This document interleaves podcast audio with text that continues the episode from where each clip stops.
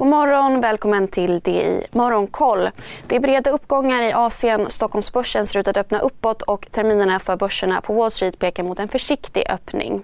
USA-börserna avslutade på dags högsta nivåer igår. S&P var upp drygt 2% och Nasdaq nästan 4% efter Feds räntebesked där de höjde styrräntan med 25 punkter liksom väntat.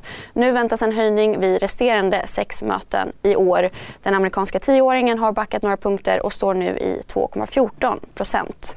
Och börserna i Asien handlas uppåt idag där de kinesiska börserna fortsätter sin rekyl. Hongkongbörsen tar igen förra veckans ras med en uppgång om 6 Shenzhen-börsen är upp 4% Shanghai och Tokyobörsen stiger 2,5 och antalet nedstängningar i Asien fortsätter efter att antalet covidfall återigen ökat. Det rapporteras om ett särskilt stort utbrott i Jilin-provinsen i Kina och enligt WHO kan utvecklingen vara mycket värre än vad som rapporteras eftersom testningen avtagits.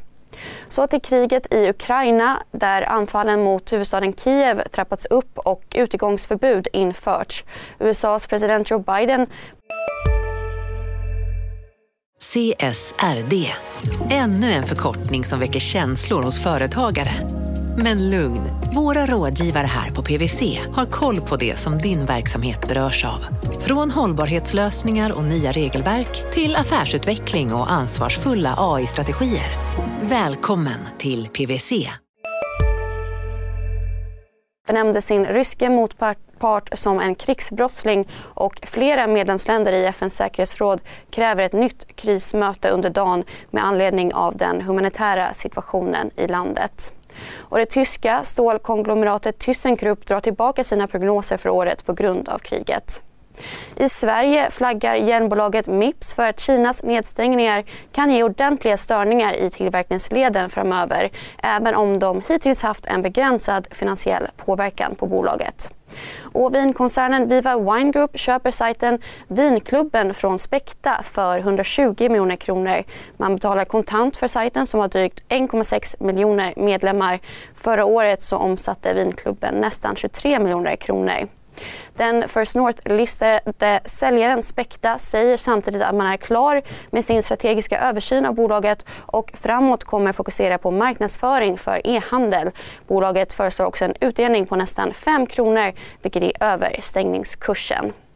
Under morgonen ser vi fram emot rapport från Skistar. Senare under dagen väntas även räntebesked från Storbritannien. Missa inte heller Börsmorgon med start 8.45.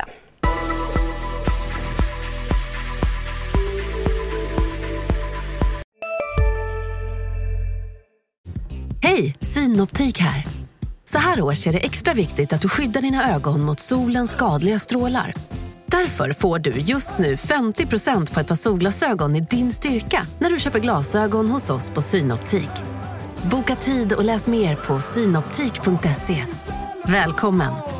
CSRD, ännu en förkortning som väcker känslor hos företagare.